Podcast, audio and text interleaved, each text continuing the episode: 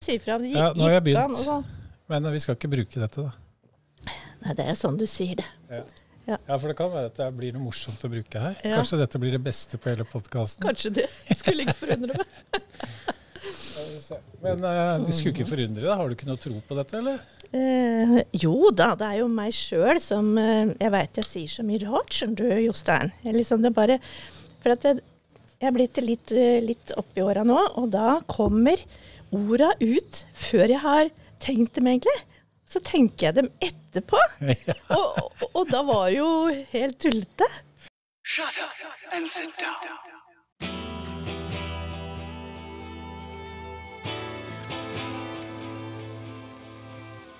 Du lytter til Drivhuseffekt, for deg som trenger litt bensin på bålet i livet ditt.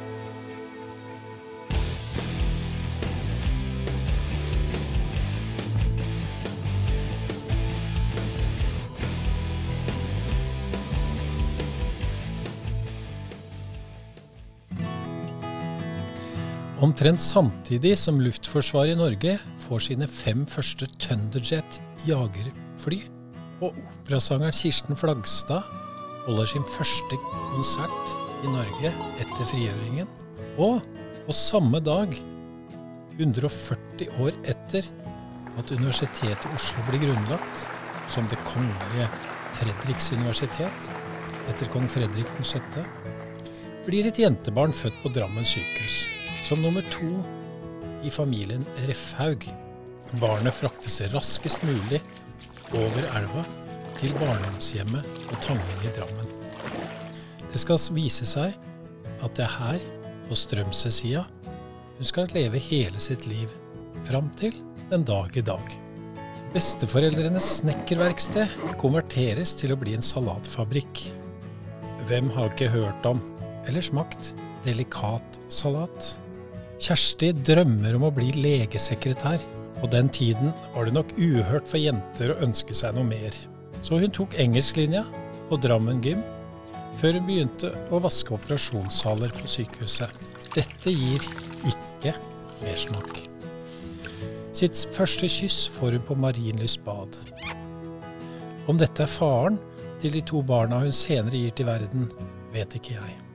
Etter russetiden i 1970 forlater Kjersti Strømsø for en kort periode for å teste mulighetene i USA. Men det når ikke opp mot livet i Drammen. Så da blir det sekretærskole. Kjersti er nok flink, for hun begynner etter hvert å holde kurs og foredrag innen administrativt arbeid. Og det bringer henne videre til jobb som headhunter i mange år. Det er mulig hun alltid elsket å jobbe med andre mennesker, men headhunterjobben gir henne et innblikk i andres liv, og dette elsker hun. Oh, wow. Når Kjersti begynner å dra litt på årene, klarer hun ikke å stå imot det kanskje arvelige skribentgenet. Hun begynner å hjelpe mennesker med å skrive sin egen historie. En slags bokversjon av drivhuseffekt, kanskje. De siste seks årene har Kjersti levd 48 liv i tillegg til sitt eget. Velkommen til Drivhuseffekt, kjære Kjersti Refhaug Eie. Velkommen. Til verden. Takk. Var det flott? Ja, syns det er flott å høre. Ja. Så Har jeg klart å oppsummere livet ditt greit på to minutter? Eh, ja. En eh, liten oppsummering må jeg jo kalle det. Men det var jo riktig det du sa. Mm. Mm. Så vi, kan ikke slutte, vi skal ikke slutte her. Nei. Nei. Vi, vi tar noen minutter til. Vi tar litt mer. Ja. Men du, det, vi skal ikke komme inn på dette her. Men du har levd altså 48 liv på seks år. ja. Jeg har hatt en finger med uh, i 48 prosjekter av personer som har skrevet om livet sitt, som jeg har hjulpet til med. Og da er man jo med på det livet, da, mens jeg holder på med det. Altså fra, fra starten og opp igjennom til i dag, og mange av de eh, som jeg har hjelpa, de er jo godt passert 80. Mm. Den eldste var 5-96. Mm. Og så du har såpass, ja. Og da går vi jo så inn i det, og jeg spør og hun svarer og, og, og ser hvordan de reagerer. Og, så jeg føler jo at jeg er med i det livet og blir veldig, veldig godt kjent med dem. Og mange sier Sikkert at glad i eh, dem òg. Jeg blir glad i dem, og mange sier at eh, nå er det faktisk du som vet mest om meg, Kjersti. Mm. Og det, da føler jeg meg rik. Ja. Mm. Fordi det du holder på med, det er jo å Du har et uh, lite firma. Mm. Nå skal, det, det er ikke noe reklame for det firmaet, men det er litt reklame for det du holder på med. Mm. Uh, hva er det det heter? Din historie? Historien hi- din? Historien din, det, Ja. .no. Jeg har jo et sånn enkeltmanns som er navnet mitt, da. Ja. Mm. Og da hjelper du mennesker Ja. og uh, sammenfatter sin historie Mm. mellom to permer. ja, riktig. Har det hjulpet deg med å finne ut mer hvem du er? Å ja, det, det har jo, men det begynte jeg jo å tenke på med en gang jeg kom til verden. ja, du har grubla hele livet, du Jeg har grubla hele livet på det. Ja. Men det er klart at eh, som jeg sier, at det har lært meg veldig mye om livet, da. Som ikke jeg eh, var liksom helt klar over. Så det er mye gode bivirkninger eh, med den jobben her. Du lytter til Drivhuseffekt. Vennskap, det Altså, det blir altså et så spesielt vennskap med de fleste. Så er det klart at vi, vi, det blir sånn at vi betyr veldig mye for hverandre. Veldig sterkt vennskap akkurat der og da, i de månedene som det her pågår. Og så sier vi jo å ja, vi må snakkes og ta en kopp kaffe og sånn. Men det blir jo ikke nødvendigvis det. Nei. Det blir det kanskje en gang eller to, men det, og det er ikke sikkert det skal være sånn heller. Og det er sånn jeg mener vennskap med stor V Mm. også er. Eller kanskje det er sånn det er. Ja, vi var jo også, hadde jo et vennskap, Mm. ja. så et eksempel vi, og så Ja, flytter vi Og fra da var det, jeg visste jo ikke hvordan jeg skulle greie meg uten deg. Nei. Nei, jeg visste ikke hvordan jeg skulle greie meg uten deg. Men så, da var det du som sa det er liksom en ting for alt, og så går man videre. Og det er jo akkurat sånn det er. Ja. Akkurat sånn det er.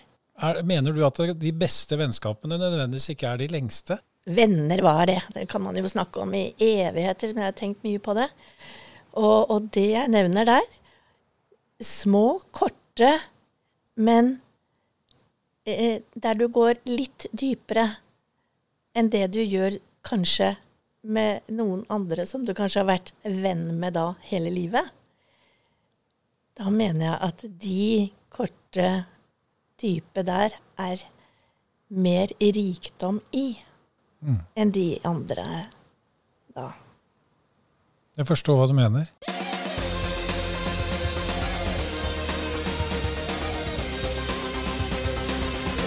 Prøv å sette fingeren på Ja. noe du har lært Helt som ikke du hadde lært hvis ikke du hadde gjort dette. Ja, vet du hva, det er jo veldig vanskelig. Men vi er jo så forskjellige. Men vi er ikke så forskjellige. Nei. Så det, ja, det, var, det er veldig enkel, men fin iakttagelse. Fordi vi går alle rundt og tror at vi er veldig forskjellige. Og, Alle er så mye bedre enn meg, og liksom sånne ting. Mm. Og, ja. men de fleste går og grubler og sliter med de samme tingene. ja. Det vil jeg si. Mm. Men du har bokplaner. Skal, du må Ja. jo skrive, du òg. Ja ja. Jeg har jo begynt å skrive opp i toppetasjen der eh, lenge, men jeg, jeg har jo ikke tid ennå. Men jeg har masse lapper, gule lapper og masse notater eh, om meg sjøl, så kommer snart. Ja. Det blir spennende. Mm.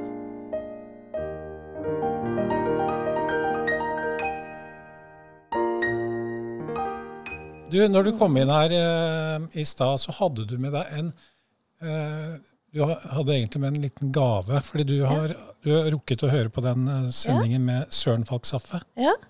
Og så hadde vi noe, og du fortalte også at du har vært russ sammen. Ja, ja. Jeg, når jeg hørte på, Ja. på den podkasten med han Søren, så gikk det for meg at hm, han er sikkert i den russeboka mi. Vi, vi tror vi var russ sammen da i 1970. Men der har jeg nå altså fått tak i et bilde av Søren som russ Ja. med en tekst. Og den skal jeg legge ut på drivhuseffekt.no, Ja. på gjestesiden. Ja. Så kan man gå inn og, og se på det. Men uh, var du russ for sent, eller? Nei da, jeg Var var, russ akkurat passe. Det var, nei, det var jo han Søren som var for seint ute. Ja. du ville bli sekretær. Ja. Det er jo ikke så veldig gutsy, liksom. Jeg ville, jeg ville egentlig ikke bli sekretær, men jeg ville jobbe på sykehuset. Ja. Og, og du vet, altså når jeg var ung, visste ingenting, jeg. Ingenting visste jeg. Jeg visste ikke hva det gikk an å liksom bli, visste ikke noe om livet, jeg. Ingenting. Hadde et godt, en god barndom og sånn, men det var ikke så mye snakk hjemme om noe. Så jeg føler at jeg ikke visste noe om livet. Men eh, så da var det alltid pappa som bestemte, da, vet du. Mm. Og for jenter så var det først og fremst helst gå på gymnaset. Det var jo ikke alle som gjorde det da, men det var jo litt sånn stas for foreldre hvis det skjedde. Og da var det engelsklinje fordi jeg var jente. Mm. Og da var ikke det egentlig spørsmål hva på- du ville? Nei, nei. Jeg ville helst gå på reallinje. Jeg spurte om å få slutte å gå over, for jeg var veldig glad i matte. Mm. Men det gikk ikke, for da hadde jeg jo byen, så da, da måtte jeg jo fortsette der. Så det var engelsklinje. Og så var det jo sånn at du, du kunne bli da sekretær, da, eller kontordame sånn, da. Så kunne du bli lærerinne. Og så var det jo jentene som drømte om å bli flyvertinne, da. Men det var nok mest en drøm. Det var aldri meg. Jeg drømte ikke om det. Jeg visste vel kanskje ikke at det gikk an heller. Så er da ble jeg det sånn sekretær, eh, da. Ja. Ja. Fordi nå er det liksom uh, jenter nå til dags på den alderen. Er de, en helt, de er jo am ambisiøse, og Ja. det er vel kanskje flere jenter på høyere studier enn gutter, nesten. Jeg var vel altså, født i 51. Det var fremdeles sånn at du, du gifter deg. Og så var det ikke alle som jobba etter det. Mm. Av jenter, da var du hjemme lenge, mens barna bodde hjemme. Mm. Helt uh, annen verden. Du lytter til Drivhuseffekt, en podkast det absolutt er verdt å høre på. Tror du på Gud eller en høyere makt i universet? Eh, det har jeg jo tenkt en del på, for nå kommer jeg fra en eh, kristen familie. Eh, mor og far og søster og sånn, baptistkirken, så jeg vokste opp der. Og ble tvinga til å gå på møter.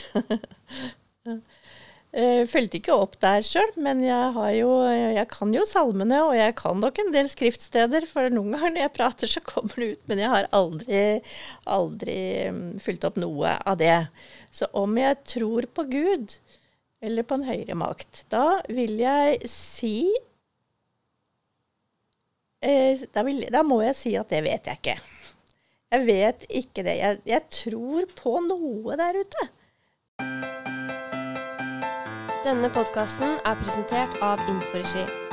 Vi gjør en forskjell i den norske skole gjennom viktige artikler i Foreldrepulsen og målrettet innhold til infoskjermer i grunnskolen, VGS og høyskole.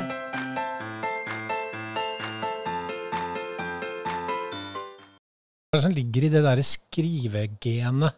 Ja. ja nei, jeg, jeg, har- jeg snakka ikke jeg når jeg var eh, lita. Tror ikke jeg sa noe fornuftig fra jeg, jeg var eh, 40 år, jeg. Nei, men du, det er sant. Jeg bare mm, jeg følte, på en måte. Og tenkte. Og syntes at alle Alt det alle sa, det var så dumt. Det vet jeg at jeg tenkte, faktisk. Mm.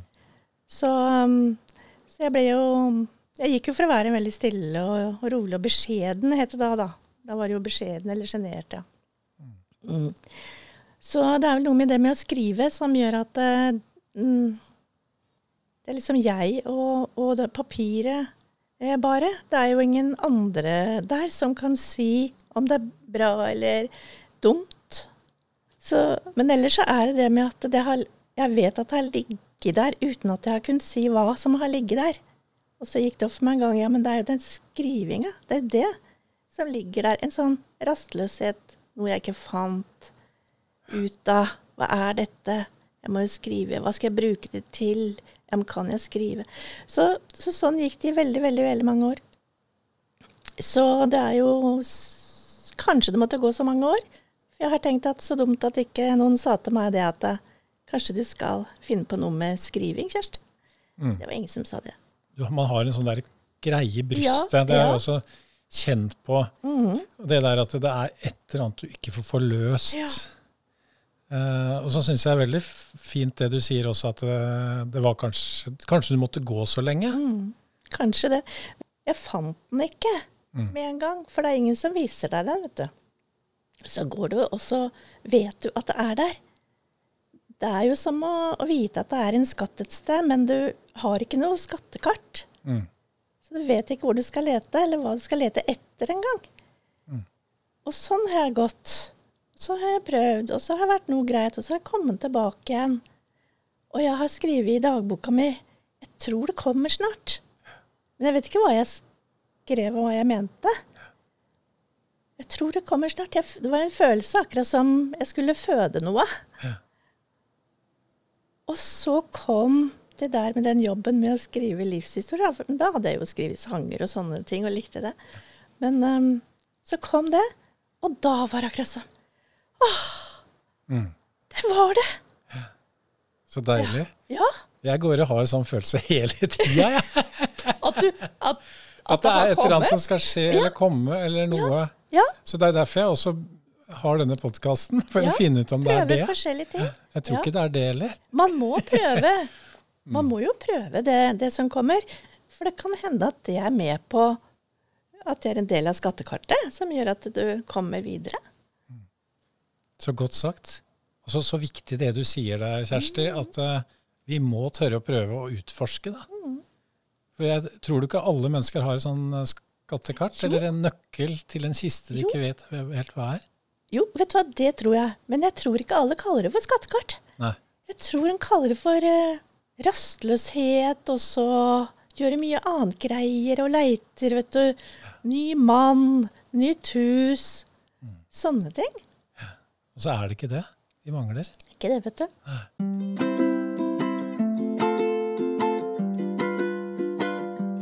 Hva vil du si? Gjør deg fri og skaper verdi? Eller ta livet på kornet? Ja, det er ikke noe sånn. Du lytter til Drivhuseffekt, podkasten som treffer blink.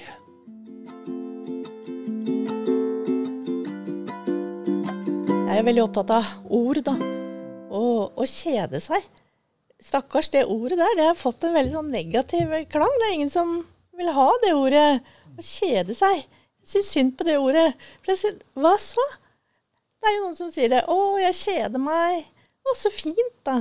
Sier jeg, fordi at eh, du Det er jo da du blir eh, kanskje tvinget til å være litt i deg sjøl, da. Mm. Og tenke litt. Et tips til? At vi må kjede oss litt mer, da? Ja, Kjede deg mer. Ja. I dag er jo det viktigere enn noensinne. Så det er så mye greier som skjer, og mye å se og høre og være med på alt mulig. Kanskje ikke akkurat nå dette året her som det er så mye du kan være med på, da, men sånn ellers. Så jeg tror det er veldig viktig å kjede seg. Det er jo da et ord som vi bør framsnakke. Mm. Visste du at jeg har lært meg å spille trekkspill, Kjersti? Jeg, jeg, jeg, jeg hører, hører du sier det, Ja, skal du høre det? Da skal jeg spille opp til denne her. men er det sant? Ja. Ser du ikke her, da? Så der er det veldig, kledde meg veldig godt i deg. Mat. Din favorittgrønnsak. Frukt og livrett.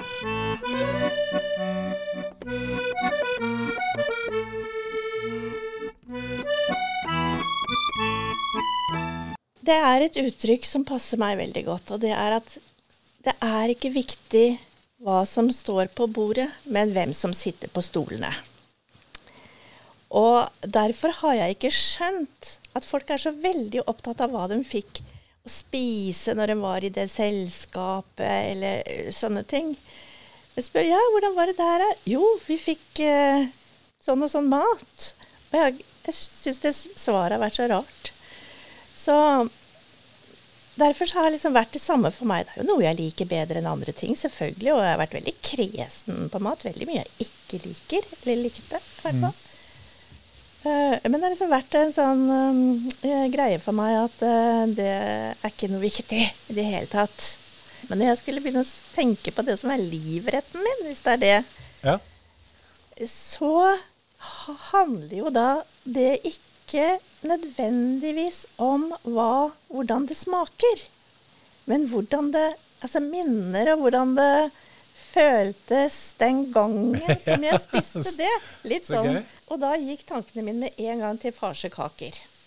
Så det, det er altså både minner og smaken og barndommen og alt det som kommer fram da.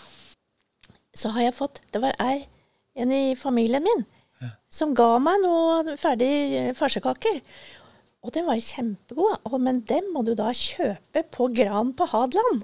Oh, ja. Det er visst det beste stedet å, kjøpe farsekaker. Ok. Så på Gran på Hadeland, Ja. da kjøper man ferskaker, Og Ja. det er livretten til Kjersti. Mm, det er livretten. Eh, Du har vel eh, Har du en favorittgrønnsak? Eh, gulrøtter. Ja. Gulrøtter er jo tingen, altså. Og det er fordi du kan både gjøre veldig mye med dem, og det er liksom Jeg innbiller meg at det er veldig sunt, da. Du kan ha sånn håndny på, sånn som blir litt sånn ekstra greie hvis du er nødt for det. Og så kan du jo bare rett og slett spise den rå. Ja. ja. Og så er det så fin farge. ja. For du må ha en farge på maten. Mm. Ja. Du lytter til Drivhuseffekt. Med Frukt. Ja, det må være appelsin. Og det er også sånne minner. Har du hørt om stormkyss? Det er altså appelsin, så bare kutter du av den eh, i en liten del øverst. Og så putter du sukkerbiter nedi. Det var det Marit fortalte om. Ja, da er vi gamle, vet du. Vi er 87 år. Tre, tre sukkerbiter. Altså det er én. Fikk vi egentlig bare, men vi passa på å putte litt ekstra oppi der.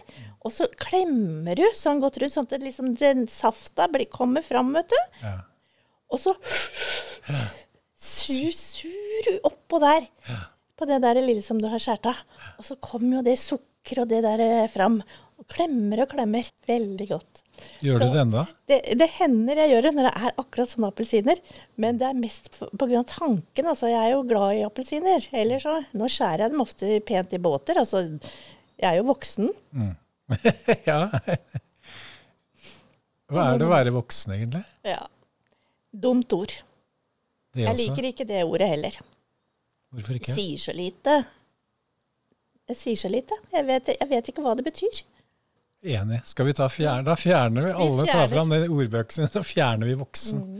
La oss bruke det mindre. Ja.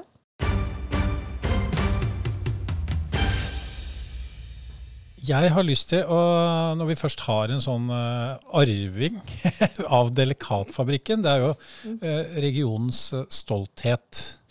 på en måte, den der delikat, da, for det er rundt i hele landet. Men er du en arving? Det var jo familiebedrift, men det er jo ikke det nå. Det er jo lenge siden den ble Det er jo Mills. Det er Mills som har Ja. tatt over det. Det er Mills som Da var det noen som ble rike i familien din, da, som solgte den. Eh, Det, det var Det gikk Det dryppa litt på den ene og den andre. Fikk du litt òg? Jeg fikk litt, jeg òg. Ja. Det er jo mange år siden. Det var i 1970. Ja. Eh, Det var det. Men delikatnavnet består. Ja. Det står jo på, på noen noe av produktene fremdeles. hvorfor heter det Altså aller først. Mm. eh, vi sa at det gikk fra å være snekkerverksted til en salatfabrikk. Ja. Vet du noe hvordan det ja, jeg vet alt om det. Jeg har skrevet bok om han eh, morfaren min. Ja, du har det? Ja. Han, eh, han, han var dansk, eller er, var, var dansk. Og han uh, blei møbelsnekker. Og så kom han til Norge. Veldig fin historie, men jeg skal ikke ta den nå. Kom til Norge, traff Olga, og derfor ble han her. Og, og det var jo i eh, Det var jo i 1919, noe sånt noe. Mm. Og han eh, drev da møbelverksted i Drammen. Og øh, han øh, holdt på med det, og flytta til Tangen med det møbelverkstedet. Og det var i 30-åra, vanskelige 30-åra. Eh, ikke, folk hadde ikke råd til å betale møblene sine. Hva skal jeg gjøre nå? Jeg må finne på noe annet. Han hadde en slektning i Danmark som eh, jobbet på en salatfabrikk i Danmark. Tenkte at kan danskene spise salat så kan vel, så på maten, så kan vel også nordmenn. Så han tok med seg den ideen? Han dro dit for å lære, og hele familien inn i en folkevogn dro til Danmark. Var der om sommerferien. Kom hjem og starta. Og var det da den italienske salaten som var Det var vel den første, ja. ja. Det- Mm. Det også hadde en eh, kamerat som også var eh, dansk, som kom innom eh, en gang og så fikk smake på salaten. Så ja, hva syns du om salaten Nei, hva syns du salaten min skulle hete? sa morfar da. Um, jeg syns den skal hete Delikat, for det var den jommen meg. Det var fint navn. Hvor mye skal du ha for den ideen, sier morfar. Nei, det skulle han ikke ha noe for, men eh, jeg vil jo gjerne få eh, smake på salaten, eller få kanskje en båt med salat av det av og til. Og resten av livet sitt så kom han ut på Delikat, som da ble etter hvert flytta og ble større ut på Holmstrandsveien der. Så kom han en gang i uka og skaffa seg salat gratis. Så fin Det er historie. en veldig fin historie. Og det jeg tenker på er Tenk i dag, når firmaer enten skal bytte navn, profil og finne på noe. Det bruker hundretusenvis av kroner for konsulenter, vet du, reklamebyråer, egne spesial i forhold til det. Bruker kanskje et år eller to for å finne fram til noe som virkelig skal fenge. For eksempel og Vy. selge. vi Ja, ja. ikke sant? Mens det her, det kosta han altså en salatbåt av og til. Og delikat er jo et Det har jo, det har jo holdt, og det er jo, syns jeg, et veldig flott navn på et sånt produkt. Enig. Det var kjempefint. Det var en fin historie. Mm. Og en god på påminnelse. Og at svaret ligger egentlig kanskje nærmere enn du tror. Nærmere enn du tror. Bare snakke med andre og Men, s- ja. det, det blir ikke noe bedre navn om, du, om det koster penger. Nei. Tvert imot. Det var en fin historie.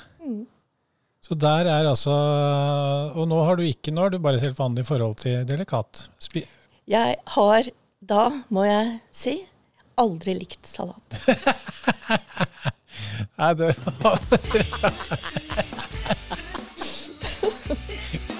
Du lytter til Drivhuseffekt, en podkast det absolutt er verdt å høre på.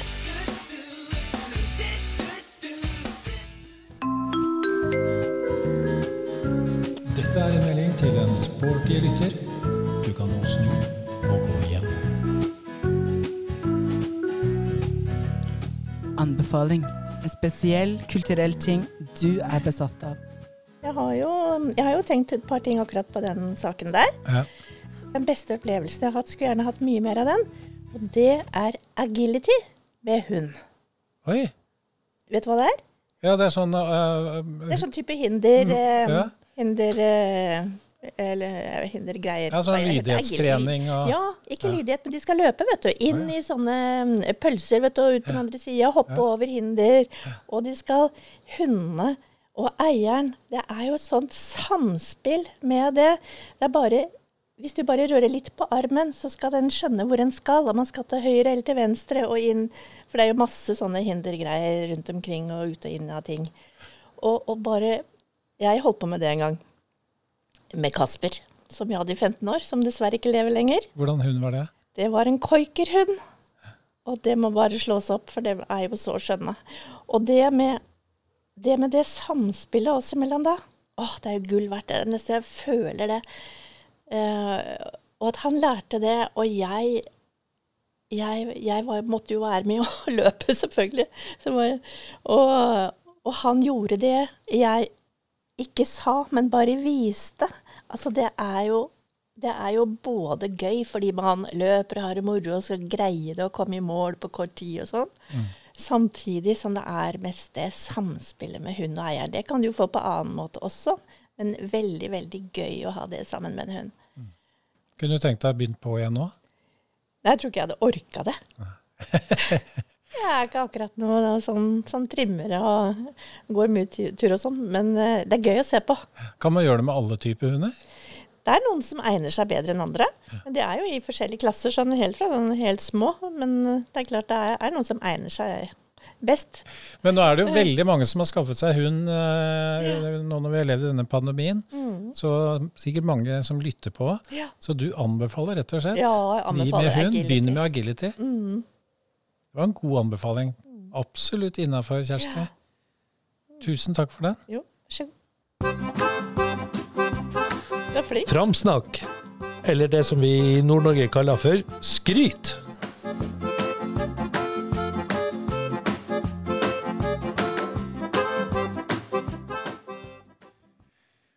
Er vi for dårlige til å skryte av oss sjøl og Ja.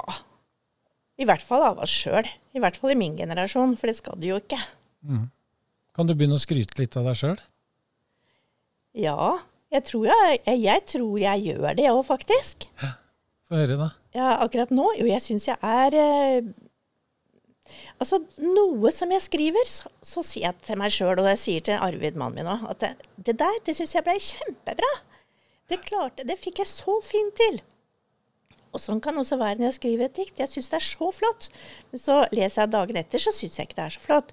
Men altså, jeg kan si det jeg Jeg kan si det, men jeg må mene det, da. Mm. Jeg må jo mene det. Ja, du har jo troa på deg sjøl, da. Og det å kunne Ja. skryte av seg selv og si at 'jeg er faktisk ganske flink', Ja. det er viktig. Ja. Ja, det, ja, det er viktig. Nei, det er som Roger sier i introen her, at det er eh, framsnakk, eller skryt, som de sier i Nord-Norge. Ja, Jeg syns det er et fint ord. Jeg syns det er veldig viktig. ja, ja. Eh, Jeg har ikke tenkt at det er noe negativt ord. Nei. nei. Men da lar vi det stå, og så gjør vi mer av det. Ja. Og nå er jeg veldig spent på hvem du skal skryte av. Hvem eller hva. Ja. Nei, eh, da tror jeg at jeg må ta en sånn gruppe. Og, um, og det kan Altså grupper som sliter med f.eks. psykisk helse. Mm. F.eks. angst, som inngår inn under der. Eh, og står på og holdt på å si, gjør så godt en kan. Og i dag som, uh, som det er uh, så mye ekstra som eh, kommer på i forhold til å ha, nesten være lærer hjemme for, og hjemmeskole for sine barn. Og når man sliter med sånne ting og gjør mye mer enn det man egentlig orker, det er den gruppa jeg vil eh, skryte av. Altså rett og slett mennesker Ja. som må grave litt dypere enn andre. Som må grave dypere enn de egentlig tåler i visse situasjoner. Har du kjent på det sjøl? Eh, nei, men jeg kjenner noen som kjenner på det daglig. Og da fortjener de litt framsnakk. Absolutt. Og det fikk de nå nettopp.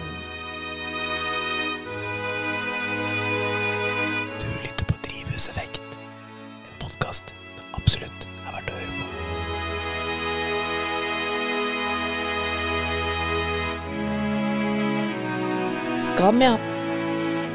Eh, føle seg skam, skamfull og skamme seg over noe. Det er vel det man gjør når, eller når du har gjort noe du ikke er, eh, kan skryte av. Kanskje. Noe du helst ikke vil snakke om. Det er, eh, har vært mye snakk om det med å ha f.eks. en far som har vært på feil side under krigen og at da etterkommerne føler skam. Så ok, går det an å arve en skam? Ehm, jeg har tenkt mye på det, for jeg, jeg, vi er i den situasjonen der. Så jeg kunne jo ha en egen podkast om akkurat det. Ja, nei, men Fortell om det, da. Eh, nei, men det er jo det. At, eh, at jeg, jeg hadde en eh, far som var, eh, som var frontkjemper. Det har jo nettopp vært en sånn episode om det på NRK. Det er vel én episode igjen. Så, hva jeg tenker om det? Ja, nei, eh, jeg, jeg har ikke følt noe skam. Jeg har bare følt eh, eh, godhet for han ja, når jeg fikk greie på det. For vi fikk jo ikke vite det. Visste ikke det før jeg var 40 år, jeg. Da må du jo ha følt det som en skam, siden du ikke fortalte det videre. Ja, ja, ja. For det, sånn, han er jo en av mange som da tia om sånne ting man skulle legge lokk på og bare gå videre. Men jeg har jo undersøkt en del rundt det i etterkant. Og, og, og syns jo bare synd på det å tenke hvordan er det egentlig du hadde det eh, resten av livet. Tror du han døde med noen form for skam? Eh, ja, jeg tror det. Jeg tror det. Er det vondt å tenke på? Det er ikke vondt å tenke på. Jeg tror jo han kunne fått det bedre hvis han hadde snakka åpent om det. Men eh, det er jo det som er vanskelig. Jeg følte en veldig nærhet til han både før og etter, for å si det sånn. At jeg fikk greie på det. det var, men jeg var ikke mm, voksen nok til å spørre han ut om nok da vet du, før han ble borte. Det var synd at ikke han skrev en bok. Ja. ja. Det er jeg som gjør om det. ja, ja, jeg skriver i forhold til mitt, mitt liv, da. Men, eh, men akkurat det der kom da veldig opp i, alle sånne ting for etterkommerne. Og det er mange som sliter med skam på vegne av f.eks. sin far, da. Og, og det, er jo, det er jo litt interessant. Er vi så knytta liksom til andre, nære mennesker, at vi virkelig kan arve en skam? At det er en, et holdt på å si gen, ja, eller hva det nå er, da. Var det sånn at når du vokste opp, at eh, de rundt deg visste at du var et frontkjempebarn? Ja, nei, vet du, det var jo helt sikkert mange som visste om det. Men jeg lurte jo ikke på det da, for jeg visste jo ikke noe. Det var aldri noen som sa noen ting eh, til meg om det. Så det har ikke merka deg på noen måte? Nei, nei, nei. Ikke sånn bevisst. Men hvor ubevisst Altså hva Å, er det derfor eh, jeg tenkte sånn, eller følte meg utafor der, eller Det kan jo være. Det, det veit jeg jo ikke. Vet jo ikke det. Hvor var det han var frontkjemper? I, um, I den episoden som gikk i går, i Skijegerbataljonen i Finland. Jeg har sett alle, ja. For de ligger Ja, for den, ja, det er nummer tre, men den Skijegerbataljonen heter det vel. Der eh, var han. Så han, eh, var der i forholdsvis sånn kort tid. Han, eh, han, han dimma Jeg tror det var sånn 20. juni 1944 og reiste hjem. Og en uke etterpå så var det siste der slaget ved Å, det husker jeg ikke nå. Has, ja. Ja. Det der siste som gikk ut i vannet der, vet du, naken. og Så da, så da, uka før, så hadde han dimma og reist hjem. Og veldig sterkt å se på akkurat den episoden på TV. Du lytter på Drivhuseffekt, en podkast det absolutt er verdt å høre på. Eh, eh, Du som er en sånn eh, skribent, du har allerede avslørt at du har et sterkt og spesielt viktig i forhold til ordene. For det er jo på en måte verktøyet ditt. Mhm. Hva betyr ord? Er det personlig? Jeg syns det er så mye Det er så mye flotte ord. Og det går opp for meg daglig, liksom Hvor kommer det ordet fra? Tenker jeg stadig på. Så må jeg slå opp litt over betydningen av ord og sånn.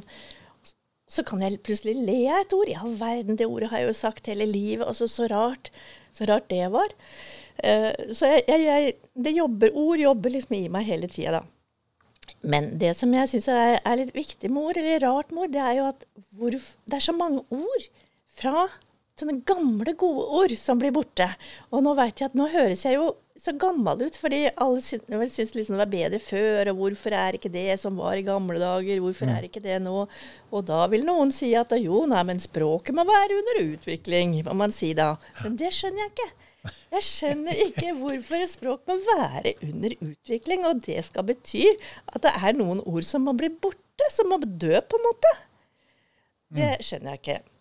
Men har du, altså du har, eh, det er veldig interessant å høre at du, for deg så er dette språket som vi alle bruker ord hele tiden, men du er egentlig sånn, du har et personlig forhold til det da. Ja, Har du noen eksempler på noen sånne ord? Ja, altså sånn som de gamle orda. Eh, For eksempel molefonken.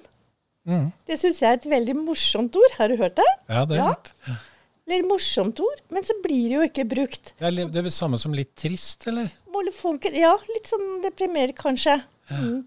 Men det er et veldig morsomt ord. Du hører det jo. Mole, funken. Det er et veldig morsomt ord. Og det, det skjønner jeg ikke hvorfor ikke vi kan fortsette å bruke, da. Uh, fordi jeg syns det sier så mye. Det sier så mye. Det sier litt deprimert, men det sier litt Så blir man litt glad av det samtidig. Mm. Så det er et sånt ord som jeg skulle ønske Det kunne var komme igjen. kjempefint. Jeg er litt molefonken i dag. Ja, du, ja, ikke sant? Mm. Det er morsomt å si det. Ja. Jeg noterer, jeg. Og så har jeg det ordet som kom til meg her om dagen, som jeg også måtte le litt av. Sporenstreks. Ja, det har jeg hørt. Ja, Det er litt sånn borgerlig, er det ikke det? Eller litt sånn det betyr jo sånn straks. ASAP eller- sier jo mange ja, nå. ASAP, ja. As soon as possible. Sporenstreks er jo mye mer morsomt å si. Ja, er det streks eller striks? Eh, nei, det er med E, men jeg vet ikke om det er S til slutt eller ikke. Sporenstrek. Jo, nå er det sporenstreks. Jeg tror det er S til slutt. Hva betyr det? Det betyr sånn raskt, eller nå må du komme fort, eller Mm. noe sånt. Og så er jo det, det beste, da, det er jo makalaus. Mm. Makalaus. Du er makalaus, Jostein. Jeg sitter og noterer, jeg Ja, skjønner. så bra. Og så har vi jo de der Men med makalaus ja, ja, En makalaus kar. Du er en makalaus kar. En framifrå kar. ja, og det husker jeg første episoden vi hadde med Sjur Malm. Ja. Han hadde jo tenkt på litt som hva, hva som var drivkraften hans. Og da kom han med det ordet. Han ønsket å bli et framifrå menneske. Ja. Det var hans drivkraft. Ja. Og et makeløst menneske. Det er ingen som kjenner det jorda nå, vet du. Kjempefint. Men, eh, og så har vi de der eh, som vi, eh, Rabagast. Mm. Vet du, en, eh, en, en sånn liten rønner, sier vi vel nå da. Han er en rabagast eller en slabbedask. Ja, den, En ja, en slabbedask det tror jeg er litt verre enn å være en rabagast. Jeg tror, en, tror det. Ja, fordi rabagast det er mer en sånn ramp. En slabbedask. det er en eh, Mer sånn, eh, mer sånn eh, Hva er det vi kaller i dag, da? Slabbedask. Altså en som ikke gjør noe, litt sånn lat og, Ja. og sånn. Rabagast, han er bare litt sånn rønneraktig, tenker Det jeg. er litt søtt, liksom. Ja, litt søtt. Ja. Ja, og så er det jo det ordet som heter å, å ha noe på varastyret, da. Varastyret.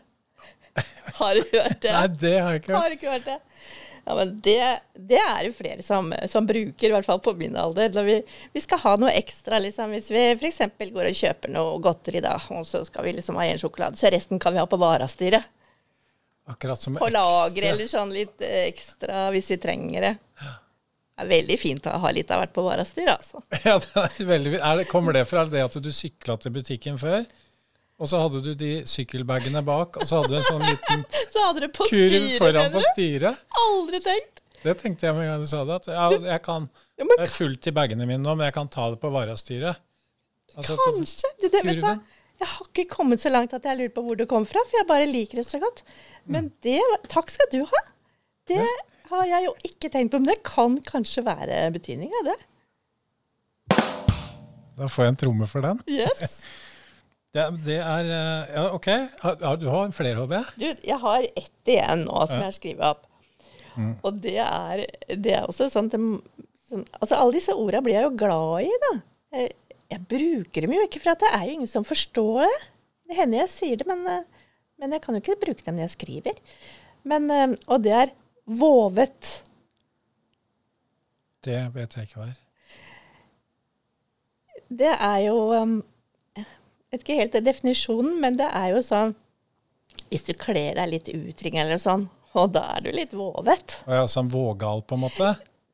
Ja, men det går på litt sånn seksuell eh, sånn tilnærming, da. Hun er litt vovet. Og det er sånn litt pent, gammeldags uttrykk. Så fint. Ja. Det var veldig bra. Han, jeg tror det er veldig mange som er opptatt av ord, i hvert fall i aldersgruppen over eh, 40-50. Ja. Eh, Pål Næss sa jo også at han var litt opptatt av det, og han prøvde å bruke så ord som portemonee. ja. Ja, han gjør det, for han er jo ikke så gammel, vel? Nei, men han er vel også en Ja. sånn som er en en ordets eh, Jeg tenker på det du sa med mat i stad, at det ikke er så viktig for deg. Altså Smaken og detaljene er ikke så viktig, det er det rundt. Eh, og så kan man si at det kanskje det, språk eller ord er det mat er for andre, for du er veldig mer da opptatt av smaker og detaljene på ordene. Mens vi andre, vi bare spiser Bare ordene og bruker dem. Og så tar vi etter hverandre. Og, og så er det, noe, er det noe med oss mennesker at vi liker å bruke nye ord. Ja. Men kan du fortelle meg hvorfor alt er så veldig mm, eh, sinnssykt om dagen? Nei, det er sykt irriterende. Altså, man bruker jo det ordet. Og det er jo ikke noe nytt, men, men det betyr jo noe helt annet. Eh, og så syns jeg det er veldig fint som, som det du var inne på her nå, at man må spare litt på ord. Ja. Går det an å bruke dem opp? Ja, Går det an å si 'jeg elsker deg' for ofte? ja. Det, det vil jeg mene. Ja. For det er jo noe med å altså, respektere altså, Ha respekt for ordene. Bruke dem der de hører hjemme. Vet du hva verdens mest brukte ord er? Harald avslører det i episoden med Harald Andersson. Det er sånn cliffhanger, det er veldig Ja. viktig å bygge bro nå, at Ja. dine lyttere går dit og hopper frem og hopper frem og i tilbake. forfatterverdenen. Det er cliffhanger, vet du. Ja. Nei, så Ja. den, eh, det blir sagt der, det. Saft Suse. Milde måne. Du store alpakka. Faen i helvete! Så innst i det røde helvete! Faen. Faen. Æsj. Blanke pokker. Satan! Skit og kanel. Hvilket kraftuttrykk bruker dagens gjest? Der er vi jo egentlig en fortsettelse på det vi snakket om i stad, eh, Kjersti. Fordi du hørte jo de første der. Saft Suse. Ja. Det er litt av de Ja. samme som Ja, du, du var inne på. Oftest blir det brukt banneord. Mm. Det gjør jo Skit gjør og kannel er vel ikke banneord? Nei. Det var Marit på 90 som brukte det. ja, men det kan være sånn en erstatning, fordi det ikke var lov til å banne. Og i min barndom, eller i mitt barndomshjem, da var det absolutt ingen som banna. Og, og det var jo Jeg klarer ikke å si det F-ordet enda i dag, jeg. Og jeg føler ikke noe trang til det heller, men jeg bruker nok en avart av det. Og det er jo også eh, banning, for å si det sånn. Men jeg bruker det veldig sjelden, for jeg syns at hvis du skal bruke det vanlige i dagligtalen, og sånn, så blir det jo ikke noe kraftuttrykk. Så man må jo være litt, eh, litt eh, Ikke bruke det så ofte. Nei, men eh, jeg tenkte hva er det jeg bruker mest? Og Jeg bruker jo sånn som altså kraftuttrykk. Da tenker jeg på det, hva du sier når du f.eks. slår lilletåa di inn, innat et bordbein eller noe sånt. Mm. For det gjør veldig vondt. Og da sier jeg nok fader. Ja, det var bra. Ja, og det er jo ikke det andre stygge ordet som ikke jeg kunne si i det hele tatt. Det er jo ikke det. det. Men det er jo det. Litt allikevel. Mm. Men du er så opptatt av å ikke bruke det at du Ja. murer det inn. At jeg, ja, jeg murer inn, ja. Det går ikke an å si det. Kan du si det en gang til? Fader!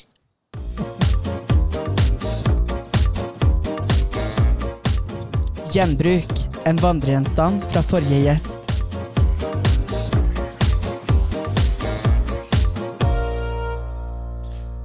Dette er vel sånn du liker, Kjersti. Ja. Gjenbruk og gaver og Mm. Gaver som skal bety noe. Ja. Ja. Du er, du har, nå har jo du hørt denne episoden til Søren, ja. men du har ikke sett gaven. Jeg vet ikke om du husker hva, han hadde med seg? Men han hadde med en flott oh, eh, drammekaraffel. drammekaraffel. Har du sett sånn før? Ja, jeg tror jeg har sett eh, noe lignende, ja. Ja. ja. Det er sånn det står fra 1 til 24. Mm.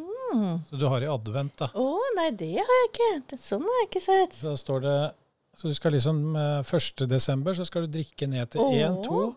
Og når det kommer til julaften, så er den tom. Ja, Så det er en adventskalender også. det var, det var artig. Fra Søren Falk Saffet til deg, din gamle russevenn Ja. Søren.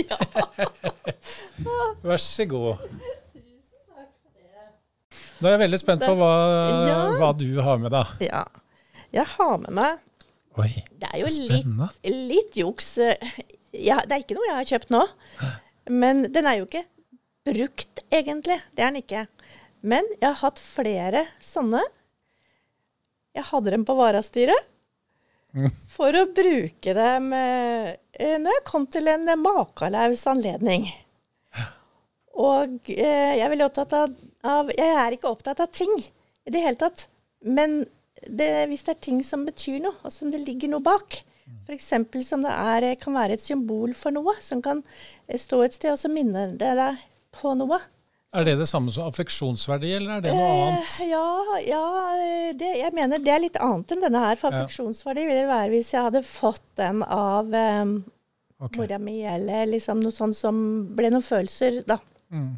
tenker jeg. Men eh, dette her, det er at eh, det, er et, eh, det kan være et symbol for så mye. Og jeg vil jo overlate til den som får den, å bestemme hva det skal være, symbolisere for den. Ja, Så du vil ikke si den. det nå? Jo, altså, det kan være symbol for så mye. Jo, du skal få se hva det er. Ja.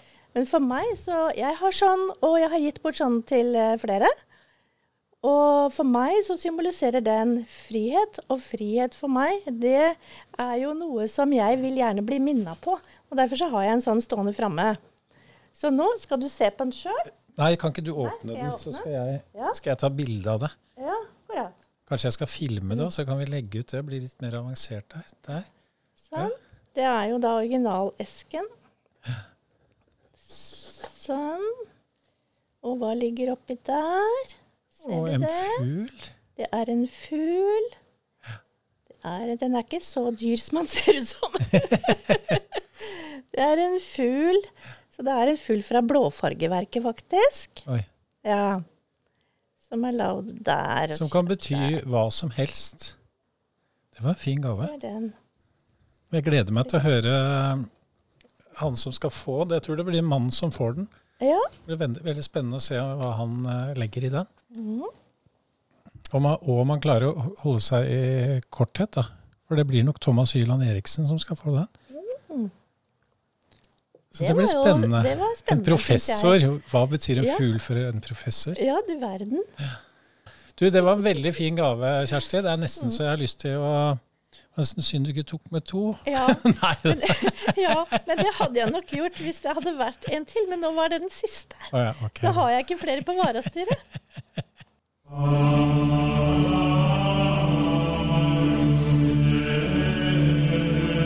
Hei, det her er Eva. Nå har mannen min spurt nok. Nå skal du få stille Jostein ett spørsmål. Og jeg forventer at han er ærlig. Ærlighet varer alltid lengst.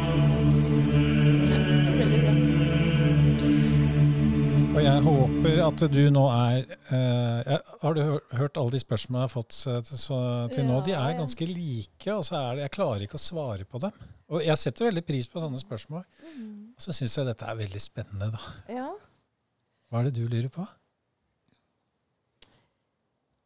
Kanskje siste med ja, siste podkasten du hadde, eller forrige der, husker ikke det? Mm. Ja, eh, så fikk du spørsmålet, og så sa du, i hvert fall i en eller annen forbindelse, så sa du at eh, du gjerne vil bevege. Mm. Hvorfor vil du bevege? Dere stiller sånne så gode sånne, Det er sånne eksistensielle spørsmål for meg, som er så gode.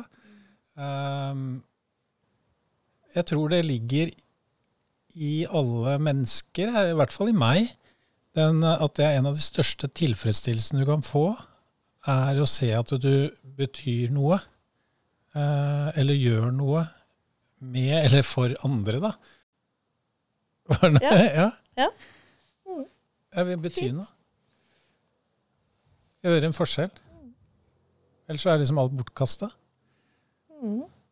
Jeg håper du var fornøyd med det, delvis med det svaret du fikk, eh, Kjersti.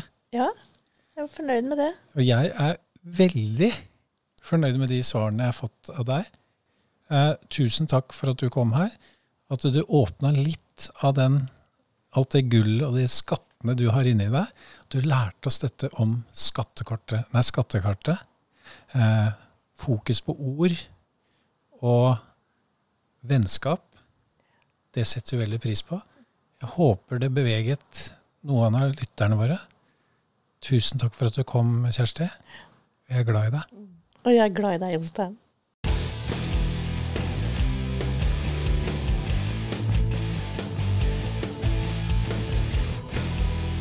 Drivhuseffekt. For deg som trenger litt bensin på bålet i livet ditt.